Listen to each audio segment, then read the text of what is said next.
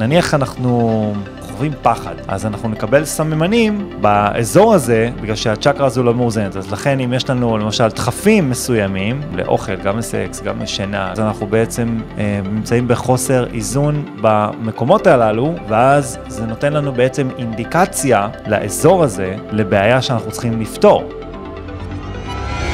טוב, שלום לכולם, מה קורה? מה העניינים? נור, מה המצב? הרבה. זמן, הרבה זמן לא נפגשנו, זה היה תקופה, זאת הייתה תקופה, אליי? כן, ממש התגעגעתי. גם אני, נשמה. אז על מה אנחנו מדברים היום? אנחנו מדברים על uh, בעצם איך להיות המאסטר של הגוף שלנו, כי חלק מהעניין זה בעצם להבין מה, מה זה, מה הגוף שלנו, מה הוא מה רוצה הוא מאיתנו? רוצה, למה הוא כל הזמן מבקש אוכל, למה יש לו דחפים מסוימים, למה הוא רוצה פתאום לישון, או משהו בסגנון, כי בסוף, אם הגוף שלנו הוא זה שמחליט לנו על המציאות שלנו, על החיים שלנו, ובעצם הוא זה שדוחף, לך תאכל את הגלידה הזאת, ולך תישן עכשיו צהריים, או שלך תעשה עכשיו, עכשיו, עכשיו סקס, אז אנחנו הופכים להיות סוג של אה, עבדים של הגוף שלנו. ואנחנו יודעים לתרץ את זה יפה מאוד, כי תמיד אומרים לנו להקשיב לגוף שלנו. תקשיב לגוף המנטרות, שלך. ה- מה שנקרא, שעיצבו את, ה... את העולם, זה, Age. את ה-New Age, זה בוא תקשיב לגוף, הגוף יודע. אז אני מבינה את הכוונה של להקשיב לגוף, אם חס וחלילה קורה לגוף איזושהי פציעה, או שיש איתות של הגוף שהוא שונה ואחר, וכל דבר יכול להיות איתות. העניין הוא שאנחנו צריכים להחליט האם להיות המאסטרים על הגוף הזה, האם לנהל אותו, או לתת לו בעצם לנהל אותנו. נכון. אז לפני שאנחנו מתחילים וצוללים פנימה למאסטריות וגופים וכאלה, אז בבקשה ללחוץ על, על כפתור ההרשמה של המנוי וללחוץ על כפתור עליי, כי זה מאוד מאוד עוזר לנו לקדם את הערוץ. וגם זה שנייה אחת בשבילכם ללחוץ על הכפתור, זה לא משנה איזה. אז כאן למטה. אז מאסטרים של הגוף. אוקיי, בואו נתחיל קצת עם הביולוגיה של הגוף שלנו. הגוף שלנו אה, עובד בצורה מסוימת ואנחנו עובדתית, בקושי, בקושי, בקושי מצליחים להבין what the fuck קורה בתוך הגוף שלנו. בפועל, היום אנשי מדע, רופאים, פרופסורים, כל אחד זורק את התזה שלו וכל אחד זורק את ההשערות שלו וכל אחד מנסה להבין מה קורה בעצם כשאנחנו אוכלים משהו מסוים. מה קורה כשאנחנו משנים את צורת המחשבות שלנו, מה קורה כשאנחנו מתנהגים בצורה מסוימת, מה קורה כשאנחנו מגיבים רגשית. ויש כל מיני פז, חלקי פאזל של כל מיני מחקרים, כל מיני אה, אה, סרטונים ביוטיוב, למשל, כל מיני נור ורונים כאלה שאומרים לכם, אה, תהיו, תעשו ככה, ואז אה, אה, תשנו יותר טוב.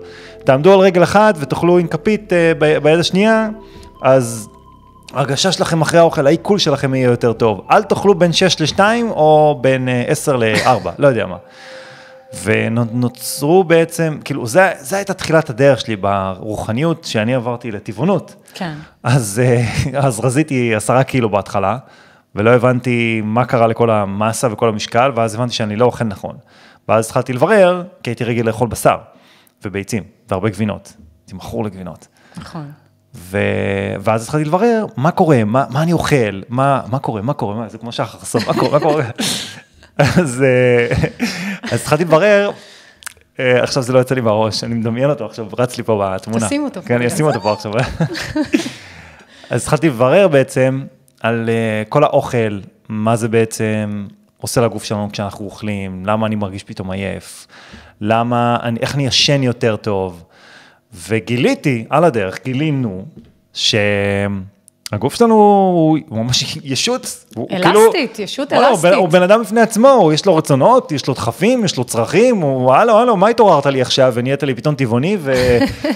מה, איפה היית כל הזמן הזה? אני עד עכשיו היה לי כיף, 30 ומשהו שנים. ריפדת לי את הבטן, כן, סקס, אוכל. לישון, מה, מה עכשיו מה באת אתה עכשיו לי? מתהפך עליי? אתה לא מחליט עליי, כמו לא שהילדים שלנו אומרים. עליי. אתה, אני, מחליט על, עצ- אני מחליט על עצמי. זה היה דרך שלי בעצם להתגבר על זה, כי קודם כל להבין אותו, להבין את החבריקו הזה, ואחרי זה זה בעצם לדעת איך להתנהל איתו. כי איך סאד גורו אומר תמיד בסרטונים שלו, אנחנו לא קראנו את המדריך משתמש של הגוף שלנו. ואחד מה, מהדרכים בעצם להבין בכלל מה זה המדריך משתמש, כי כרגע הוא סינית, זה להיות מאסטרים של הגוף שלנו. זה לדעת לשלוט בו. עכשיו, נור, יש לה קטע כזה, שהיא לא הייתה אוכלת, היא הייתה שוכחת לאכול, למשל, היא הייתה מתגברת על הדחף הזה בכלל, הוא בכלל לא היה מגיע אליה, כי הייתה לה אנרגיה ממקומות אחרים, Yeah. בגיל מאוד צעיר. וואו, אתה מציג אותי פה כאילו אני...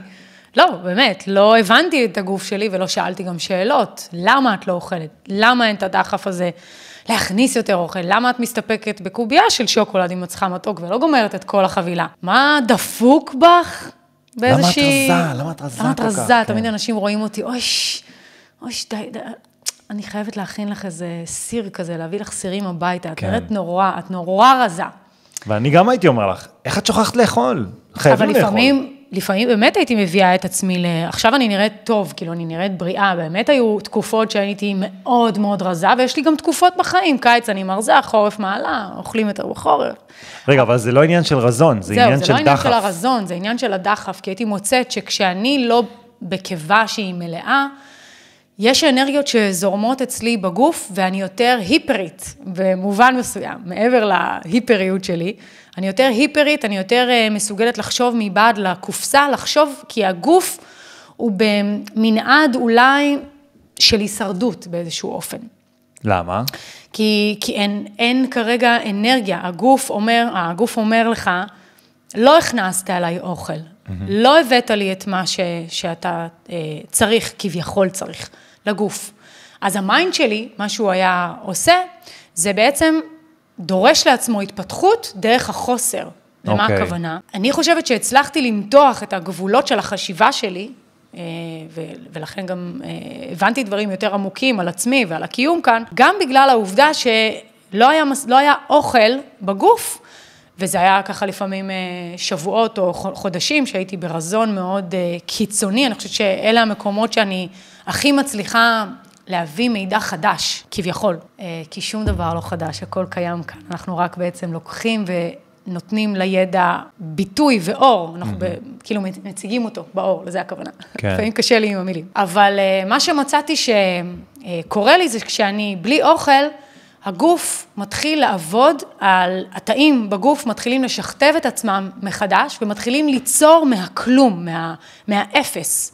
מזה שאין כלום כרגע ליצור איתו, ואנחנו צריכים ליצור עם מה שבעצם, מה, מהמינוס, אוקיי? זה נשמע מוזר, אבל מהמינוס אתה, אתה צריך להתחיל ליצור, מהכלום. אני, אני מסתכל על זה כאילו בצורה כזאת, אנחנו יודעים הרי שיש לנו צ'קרות, בסדר? מרכזי אנרגיה, מוחות קטנים בתוך הגוף שלנו, ואחד מהקטעים הוא שבעצם, בעצם ש- שהצ'קרות לא מאוזנות, כן. אז אנחנו מקבלים איזשהו תסמין מסוים, ואחד התסמינים שמה שאנחנו מדברים עליו כרגע, נניח לצורך העניין, בדוגמה, זה רעב. עכשיו, מרכז האנרגיה, הצ'קרה הרלוונטית לרעב, נמצאת ב, נמצאות באזור הבטן. ואם בעצם היא לא מאוזנת, אז אנחנו מרגישים דחף אימפולסיבי כזה כן. של "אה, רעב, אני, אני רעב. יש אנשים שיאכלו ארוחת ערב שבעה מאוד מאוד, ואז פתאום יתעוררו בשתיים לפנות בוקר עם איזשהו דחף לאכול איזושהי עוגת שוקולד כזאת טעימה שיש במקרר. מה זה אומר בעצם? שהאזור הזה לא מסופק. הוא- אין מילוי. הוא, אין מילוי, בדיוק. אין, אין את ה... יש צורך לאנרגיה, כי האזור הזה לא מאוזן. אצלך לצורך העניין, האנרגיה, האנרגיה באזור הזה הייתה מאוזנת. וככל שנשארת בעצם מאוזנת, או נקרא לזה בחוסר, יכולתי להישאר יותר זמן ללא בדיוק, רעב, ללא בדיוק, אוכל, בדיוק. כב- כביכול. עכשיו, מה זה לא מאוזן? זה בעצם, זה קוד. אנחנו מקודדים בצורה מסוימת, אנחנו מתוכנתים. ואם הכל בעצם מתחיל ממחשבה, ואנחנו כבר בתוך איזשהו לופ מסוים, אנחנו מתוכנתים לחשוב מסו- בצורה מסוימת, ואנחנו מרגישים בעקבות המחשבה הזו בצורה מסוימת, ואז אנחנו, ההרגשה הזו מייצרת כימיקלים אצלנו בגוף. אז האזור הזה בעצם הוא זה שמתחיל להיות ה master של ה mind שלנו, של המחשבות שלנו. יש איזשהו תהליך של דגימה בין המוח לגוף ובין הגוף למוח. באיזשהו שלב נוצר איזשהו היפוך, ואז הגוף שלנו נוצ... הופך להיות ה... ה... זה שבעצם, הוא זה ששולט בסיטואציה, הוא זה שבעצם מנחה את המוח מה לעשות, זה נשמע הזוי, זה נשמע פרדוקס. כן. זה, ככה בעצם המנגנון שלנו עובד. אה, דוקטור דיספנס הסביר זה בקורס שלו, זה קורס מאוד מעניין, שעשינו אותו ביחד. ואז הבנו הרבה דברים על עצמנו, שעצם העובדה שהצלחנו להשתלט על המנגנון הזה, נתן לנו המון המון כלים להבין בכלל שאנחנו יכולים להיות גם המאסטרים של, עזבו רגע את המציאות רגע בצד, אנחנו קודם כל צריכים להיות מאסטרים של, ה, של, של הגוף הגוף, שלנו. שלנו, כדי שהמציאות תתחיל להשתנות. נכון. אז, אז אחד מהדברים הראשונים שהיינו צריכים לעשות זה בעצם להבין מה קורה בגוף, למה בעצם יש לנו דחפים מסוימים, וזה הסביר לי במיוחד המון דחפים שהיו לי בנוגע לאוכל למשל, כי אם אתה כל הזמן רוצה אוכל, אתה רוצה סקס, אתה רוצה לישון כל הזמן, אתה עייף, אתה מנומנם, אתה נמצא באיזשהו מוד כזה שאתה... לופ. כן, אתה ב loop, אתה לא ה master של הסיטואציה שלך, אתה לא ה master של הגוף שלך.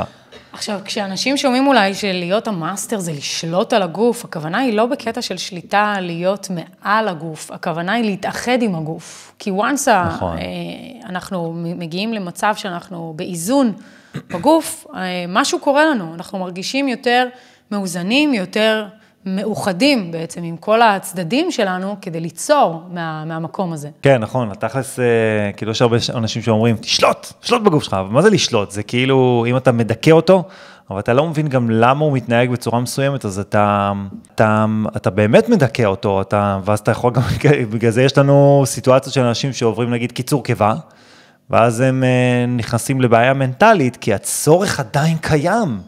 המרכז האנרגיה הזה עדיין דורש את הסיטואציה, אם אנחנו לא פתרנו את הסיטואציה הזו ממקום עמוק מאוד. שגורמת לאכילה אה, מאוד רגשית, רגשית כן. אימפולסיבית מאוד.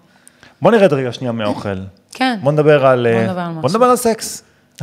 יאללה. יאללה. בוא נדבר לא, על מה זה סקס, זה יש נושא לנו שכולם דחף- אוהבים לדבר עליו. דחף לסקס, למשל, דחף לאימפולסיבי כזה ליחסי מין. זה אומר שהצ'קרה הזו בעצם, צ'קרת המין, בעצם אה, היא לא מאוזנת. עכשיו, נפתח סוגריים רגע, כל מרכז אנרגיה יש לו בעצם רגשות שמקושרים אליו. נניח אנחנו חווים פחד, ואנחנו חווים אה, מצב שאנחנו בהישרדות, אז אנחנו נקבל סממנים באזור הזה, בגלל שהצ'קרה הזו לא מאוזנת. אז לכן אם יש לנו למשל דחפים מסוימים, לאוכל, גם לסקס, גם לשינה, גם לכל סיטואציה כזאת, אז אנחנו בעצם אה, נמצאים בחוסר איזון במקומות הללו, ואז זה נותן לנו בעצם אינדיקציה לאזור הזה, לבעיה שאנחנו צריכים לפתור. עכשיו אמרנו, לא מדכאים, אלא מנסים להבין למה אנחנו בכלל מקבלים את הצורך הזה. למה זה קיים? למה זה קיים? ממה זה קיים? וככל שאנחנו נוברים בעומק שלנו, או שאנחנו מתעלים מעל ה... נקרא לזה מעל האישיות שלנו, שזה חלק מהעניין, שזה מה שאנחנו מלמדים פה, מה שאנחנו מנסים להעביר כאן בערוץ, אנחנו מנסים להבין, להעביר שאנחנו בראש ובראשונה חייבים להבין את האישיות שלנו, חייבים להיות מודעים לעצמנו. וברגע שאנחנו מתחילים להבין את זה, אז אנחנו מתחילים להתעלות גם מעל הדחפים הכפייתיים האלה, שנראה לנו שהם כפייתיים, אבל הם סך הכל...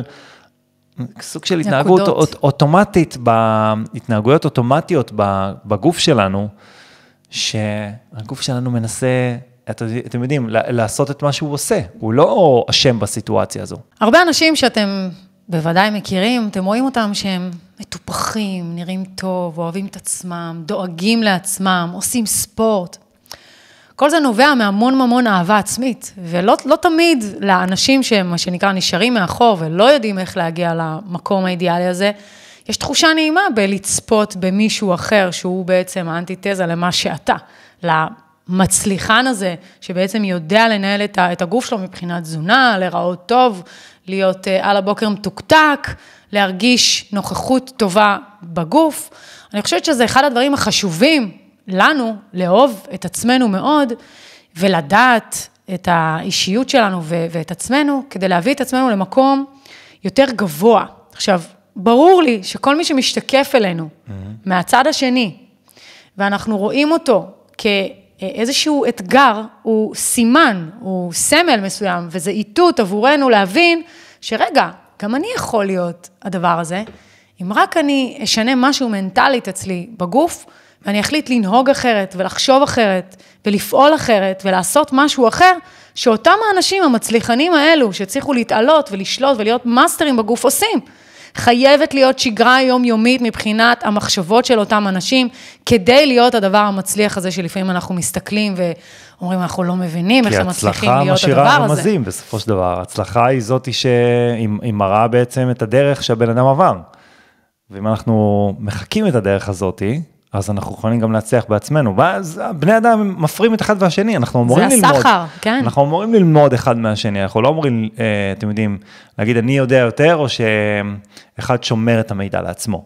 זה מה שאנחנו עושים פה בערוץ הזה, דרך אגב, אנחנו מנגישים את המידע כדי שיהיה מה ללמוד, וגם אנחנו לומדים מאנשים אחרים. לגמרי. היה לנו פודקאסט הבוקר עם אייל אברהם לוי הראשון, אחלה מנטור שבעולם. ואני למדתי המון מהשיחה הזו, מה, אין, אין שום דבר גם, אה, גם המנטורים הכי גדולים, טוני רובינס למשל, סיפר באחד הראיונות שלו שהוא למד המון ממנטור שהוא אימן בעצמו, זאת אומרת הוא הלך לאמן מישהו והוא למד המון ממנו. היה פה איזשהו סחר, הוא למד מ- כן. מריי דליו, מהראש, אה, מנהל קרן הגידור טוב, הכי גדולה בעולם. צריך לשמוע אותו מדבר. אז הוא הלך לאמן אותו. כדי uh, לתת לו כלים. Uh, כלים להתמודד, כי הוא מנהל המון המון כספים, הטעות שלו הכי קטנה, בגלל רגש אימפולסיבי או דחף כפייתי מהגוף, יכול להיות מאוד מאוד קריטי, יכול לעלות במיליארדים. ומצד שני, הוא למד ממנו בכל הנוגע לכסף, בכל הנוגע לגידור של כסף. אני תמיד אומרת בשיחות שאני עושה לאנשים, מיתוג אה, רוחני, אני תמיד אומרת בסוף השיחה, תודה רבה על השיחה, תודה על מה שהענקתם לי, כי אין מצב, אין שום שיחה, אפילו עם האדם הפשוט ביותר, שאני לא לומדת ממנה ושואבת ממנה השראה, כי כל דבר שמשתקף בחיים שלי וכל האנשים שעולים לדבר איתי, ברור לי שיש להם שיקוף גם שלי בדרך כזו, כזו או אחרת או נסתרת ממני, ומכל שיחה, מכל דבר אני לומדת ומבינה איך אני צריכה לשנות את ההסתכלות שלי, את הפרספקטיבה שלי ולעצב את עצמי שונה ואחר. וזה לאו דווקא תמיד נעים ונוח, כי לפעמים הרעיונות הם מהפכניים, לפעמים קשה נורא לאמן את הגוף ולהגיד לו, תקשיב, אדוני, אני יודע שעד עכשיו היית רגיל אחרי ארוחה לפתוח כפתור, לדפוק איזה כוס קפה עם כמה כמה עוגיות ולשבת עם סיגריה בחוץ, אבל עכשיו אני לוקח שליטה, ולגוף זה לא יהיה נעים, והוא יעשה כל דבר בשביל להילחם בכם, הוא יצא מגדרו, ויריץ לכם מחשבות בראש הרסניות לפעמים, כן. עד שתחליטו להקשיב לו. והסוד הוא להתעלות מעל המחשבות ההרסניות האלה, להחליט בהמון עוצמה ובהמון אומץ לצאת מתוך המקום הזה ולהגיד, לך היו מספיק הזדמנויות. בנקודה כרגע, אני לא נמצא בנקודה ה best שלי. מגיע לי משהו אחר, mm-hmm. ובשביל להגיע למשהו האחר הזה, משהו בתוכנו צריך להשתנות. וזה אגב, מה שאני מלמד בקורס, שצילמתי לאחרונה, והוא תכף יצא בקרוב. אה, קוראים כפיים. לקורס הזה, קוראים לקורס הזה איך להעיר את ה master הפנימי שנמצא בתוככם. אז אה, פה אני בעצם נותן כלים על איך באמת לעשות את זה, אבל ברמה של קורס, לא ברמה של סרטון ביוטיוב, זה קצת יותר מעמיק מזה. כן. ועכשיו נראה לי נעבור לחלק האומנותי, כאילו הפרקטי יותר, נכון? כאילו דיברנו עכשיו על כל התיאוריה, אבל בואו נדבר איך עושים את זה בפועל. איך אנחנו כי... יכולים בעצם להתעלות מעל הגוף ולהתחיל לדבר אליו ולתכנת אותו. נכון, אז קודם כל זה מתחיל, תמיד אנחנו אומרים את זה, תמיד זה מתחיל מ... הקשבה עצמית ומדיטציה, לא, ולדעת את, עצ... את עצמך, זה די obvious לאנשים. לא, אבל זה עניין של... אנשים רוצים קיצורי דרך. זה עניין של, אתה חייב להבין שאתה נמצא בסיטואציה מסוימת. אתה חייב להבין שאתה... נכון. בבעיה, זה לא בעיה, אתה מאבחן את עצמך, יש לך דחף כפייתי מסוים? זה, כולנו יודעים את זה, כן? אבל אנחנו פשוט לא מודים בזה. זה יכול להיות גם מצב שאתה רוצה לשנות את המציאות שלך, ולאו דווקא בקטע, אה, את, את, את המציאות, ואתה צריך לשלוט בעצם ב, ב, במרקם המחשבתי שיוצא לך מה, מה mind. שמוביל זאת אומרת, אותך, במחשבות, כן, שמוביל אותך לעשות אותך פעולות. שמוביל אותך לנרטיב של עבודה מסוימת, של זוגיות מסוימת, של שפע מסוים. וזה לאו דווקא פיזית בקטע של אוכל, של מה שאנחנו מכניסים לעצמנו, זה יכול, זה לרוב מונע מהמקום המחשבתי. כל משהו שאתה לבד עם עצמך מודה עם עצמך, שאתה צריך להפסיק עם זה, או שאתה צריך לשנות את זה, אבל אתה לא באמת עושה את זה. כי נכון. זה לא נוח, זה לא כיף, זה לא, לא בא לך כל כך, לא היום, מחר, מחרתיים, בעוד שבוע, שבועיים. אני יודע, אה, כל מיני דברים כאלה שרצים לנו בראש, שבעצם משאירים אותנו במקום.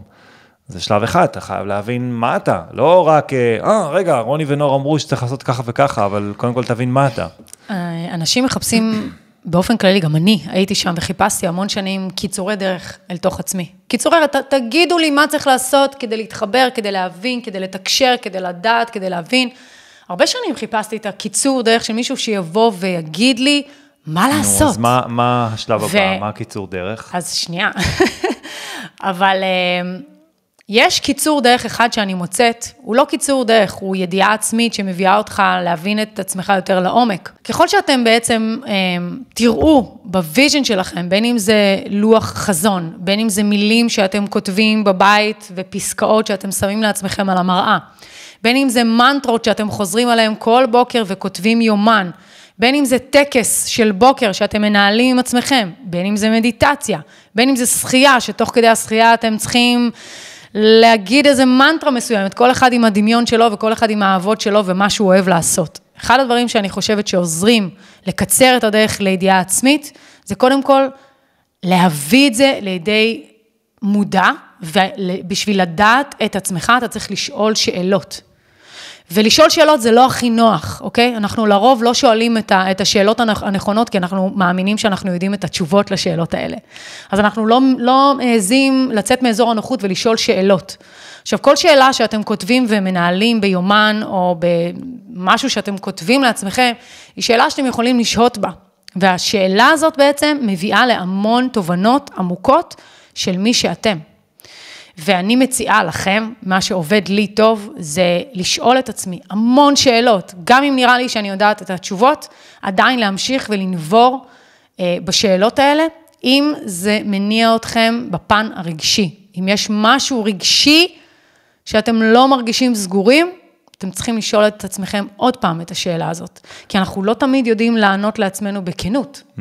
אנחנו, ה mind שלנו יודע להביא מחשבות ולזייף, מה שנקרא. מה, איזה שאלות למשל? אחת השאלות שאני שאלתי את עצמי זה, מי אני? מי אני? מי אני לעזאזל בעולם הזה? זה מה שאני צריכה לעשות בחיים? להיות נשואה לרוני, אהובי, לגדל שלושה ילדים ולהיות בסטודיו לעיצוב, זה מה שאני צריכה לעשות בחיים? השאלה איך זה עוזר להיות ה master של הגוף, מה זה, עכשיו, אם, ומה זה למה מוביל. למה שאלתי את השאלה מי אני? כי הרגשתי משהו חלול, נכון? Mm-hmm. הרי אם הגיתי, אם התובנה הזאת שנקראת נור, הייתה אלינור, החליטה לשאול את השאלה הזאת, זאת אומרת שהיה משהו שימשוך את השאלה הזאת. לא סתם mm-hmm. הגיתי, מי, מי, מי הגה את השאלה? אני גבוה יותר ששואל את השאלות מגבוה יותר. וכשהוא בא ומעמיד שאלה כזאת במי אני, זו שאלה מאוד מאוד בסיסית, שלא הרבה שואלים. וכמובן שהדרך אה, לתשובה הזו היא, היא הכל, זאת אומרת, התשובה היא הכל, הכל, אני הכל. זה, זה הגיע מתוך מקום של אני לא... עמוק בפנים, אני לא מרוצה מהסיטואציה. נכון, יופי. אני רוצה לשנות. עמו, רגע, רגע, רגע, עמוק בפנים, אני לא מרוצה מהסיטואציה, יכול לגרום לחוסר איזון. מה זה יכול? זה גורם לחוסר איזון באזורים מסוימים בגוף. נכון. אם נניח אני לא מרוצה מהסיטואציה והלב שלי אומר לי כל הזמן אחרת, אז הלב שלי יהיה לא מאוזן. המרכז, מרכז האנרגיה, צ'קרת הלב, בעצם תהיה לא מאוזן, ואז אנחנו נחווה כל מיני סממנים באזור הזה. וכן הלאה וכן הלאה, זה יכול להיות לגבי כל סיטואציה, ואז יכול להתפתח גם, לא יודע מה, אכילה רגשית, התנהגות אה, כפייתית, אה, אה, חוסר סבלנות, המון, המון אספקטים, זה מאוד אינדיבידואלי. אבל מה שנור אמרה, הוא מאוד מאוד נכון, אתה חייב לשאול את השאלה הזו כדי לנבור עמוק פנימה. אני חושבת שהשאלה הזאת נבעה הרבה לפני הטריגר של הסרטן ומה שהיה לי. היא נבעה הרבה הרבה לפני, כי תמיד שאלתי מי אני ולא קיבלתי תשובות. עד שבעצם החלטתי לייצר לעצמי חיצוני טריגר, שיביא אותי לשאול שאלה, אבל גם הפעם לקבל תשובה לשאלה הזאת, להביא תשובה, כי מה שקרה לי הוציא אותי מהאי נוחות, גרם לי להיות שנייה לבד, בלי ילדים מסביב, שנייה אחת להתעמק עם עצמי, ולשאול מה לעזאזל העולם הזה, ומי אני פה בעולם הזה, ומה התפקיד שלי פה, mm-hmm. מה אני צריכה לעשות. ואני חושבת שזה הביא אותי להבנה מאוד גבוהה של ידיעה מאוד מאוד מאוד שורשית ו... ועם עוצמה, עם עוצמות מאוד מאוד גבוהות. אמ, וזה גם לא בא ברגע, זאת אומרת, ההבנה הזאת של, של להבין שאתה כלום בעצם, שאתה רק איזשהו רעיון, היא משהו מאוד מאוד אמ, עמוק שצריך ללכת איתך. כי אם אני יודעת, ב mind שלי, שאני בעצם זה כלום, אני רק רעיון, mm-hmm. וכל זה זה בעצם רק משחק, שיש פה דמות שמשחקת משחק. אז הדמות הזו יכולה לבחור בכל רגע נתון לעצב בעצם את עצמה ולהיות אדריכלית ולבנות בניין אחר ולבנות יסודות אחרים שיבנו כאן ישות שרוצה להיות האני החדש, למצוא את האני החדש. הדבר הבא זה בעצם, אם אתם כבר הגעתם לרובד הזה, אז אתם כבר אמורים לזהות כל מיני, אה, נקרא לזה, סממנים אצלכם בחיים, שהם גורמים לכם לא להיות המאסטרים של, ה... התנגדויות. של הגוף שלכם, התנגדויות, התנהגויות מסוימות. וכשאתם שמים לב לסיטואציות האלו, אני זוכר שלנו למשל, היו כל מיני התנגדויות חברתיות למשל, וזה נתן לנו סיטואציה, זה נתן לנו אה, פרספקטיבה לגבי התנהגות גופנית שלנו, שהיא נקרא לזה לא מאסטרית, לצורך העניין, חבר למשל אומר לך איזושהי מילה מסוימת, אה, אתם גם כן עם הסרטונים ביוטיוב שלכם, סתם לדוגמה. אתם עושים מזה בכלל כסף? כן, אתם עושים מזה כסף, אתם עושים עם זה? כן, ואז מה קורה? שימו לב, הגוף שלנו מגיב, אנחנו מגיבים רגשית, נכון? זה, מה, מה, מה הוא בכלל אה, אומר לי דבר כזה? הוא יגיד לי. הוא יגיד לי, או משהו בסגנון. כשהיו חברתיים זה משהו שמאוד מאוד משפיע עלינו. ואז הגוף שלנו מתנהג בצורה כפייתית, ואז אנחנו נשאבים לתוך הסיטואציה, בום, יורד התדר האנרגטי שלנו, ואז אנחנו נשאבים לתוך המציאות. אנחנו לא שולטים בה, אנחנו מאבדים ברגע את זכות הבחירה, את זכות הבחירה החופשית שלנו. חייב לומר. המציאות הסביבתית שנבנית לא על בסיס האני שלך. נכון. ואז לרוב אתה נשאב לתוך המציאות הסביבתית, נותן לסביבה לעצב את האני שלך, ולרוב האני הזה האמיתי יושב שם שנים ורק מחכה שמישהו יתייחס אליו, שמישהו יוציא אותו לאור, שמישהו נכון. יקבל ויגע בו. וייתן לו להרגיש ראוי. וזו דוגמה כאילו מאוד פשוטה ומאוד אה, נקרא לזה סטנדרטית, מה קורה כשמישהו כבר לא מגיב בצורה כזאת של רק פנימית נקרא לזה, אלא הוא מתנהג בצורה שהיא גם חיצונית למצב חברתי מסוים, למצב אה, תזונתי מסוים, אז זה כבר הופך להיות כבר מכפייתי לאפילו וולגרי, ואז אנחנו כבר מזמן איבדנו את ה... יכולת שליטה על הגופניות שלנו, על האנרגיה שלנו. אנחנו לא מנהלים בכלל את האנרגיה שלנו בסיטואציה הזאת, ואז אנחנו נופלים טרף למציאות. למציאות, לסביבה. ואנחנו היינו שם, שנינו היינו מגיבים לאנשים, והיינו, אה, אני הייתי למשל אוכל בצורה לא כפייתית, כן? הייתי תמיד רזה, אבל אצלי זה מגיע מהצבא, אני חושב שהקטע של הצבא, של לאכול תמיד ולא להישאר רעב, חלחל אליי לחיים האמיתיים, ואז הגוף שלי כל הזמן דרש את האוכל הזה, כי היה לי איזשהו צורך הישרדותי להישאר כל הזמן שבע. שמא אני לא אשאר רעב, שמא לא יהיה לי אוכל. אני חושבת שחשוב שכולנו נזכור שכל דבר שצץ לנו בחיים, בין אם זה טריגר, בין אם זה מחשבה, בין אם זה בן אדם מסוים, זה לא סתם. כל דבר כזה הוא סימן וסמל בשבילנו להבין משהו לגבי עצמנו. זה כמו חדר בריחה, העולם הזה. כל דבר שמשתקף לנו, אנחנו צריכים להבין את הסמליות של מה הדבר הזה, למה הדבר הזה כרגע נמצא כאן ולמה הוא נוכח ומה הוא בא בעצם לספר לי. עכשיו, כל דבר, בין אם הוא טריגר אה, גופני, שיש חולי מסוים, כמו שהיה לי חולי מסוים ביד ימין, והייתי צריכה להבין מהסיטואציה שמה שאני צריכה לעשות בעולם, כן, זו הבנה מאוד גבוהה, זה להעניק בעצם לאחרים, כי רק על ידי זה שאני אעניק, זה היד המעניקה, היד החזקה שלי, mm-hmm. רק אם אני אעניק בעצם דרך המקום הזה, אני אוכל להגיע למלוא הפוטנציאל שאני רוצה להגשים לעצמי. זה יכול להיות כל דבר, כל דבר בגוף שלנו, כל מחשבה שנובעת, כל אדם שאנחנו רואים. כל דבר שבא אלינו משום מקום, ואנחנו לא יודעים איך הוא צץ, כל דבר הוא סימן והנחיה, בין אם היא טובה, בין אם היא נתפסת כטובה, לבין אם היא נתפסת כרעה. אנחנו תופסים את, ה, את הסיטואציה ובוחרים האם זה טוב לנו או רע לנו. אז תמיד תזכרו להסתכל על החיים בפרספקטיבה כזו כדי להבין את עצמכם יותר טוב, כדי לתת ליקום לשקף לכם מה אתם צריכים לשפר, מה, על מה אתם צריכים לעבוד ואיך אתם צריכים לנהוג ולפעול כדי להביא את עצמכם למקום הכי גבוה בהסתברות. נכון. אז, אז, be your own master. לגמרי. תהיו המאסטרים של עצמכם, תהיו המאסטרים של הגוף שלכם. זה משהו שלא... וזה אומר לא רק להקשיב לשיחות כאלה, זה אומר אשכרה לעשות. לעשות. כן, נכון. לבצע, לעשות, לעשות לשנות. Do it, do it, just do it. Just do it, נייקי, do it. אז אם אהבתם את הסרטון ועוד לא נרשמתם למנוי, אז בבקשה ללחוץ על הכפתור, ואם יש לכם שאלות, תכתבו בתגובות למטה, נשמח לענות, ונתראה בסרטון הבא מחר בבוקר. כן. יאללה חבר'ה, ביי אהובים. ביי ביי.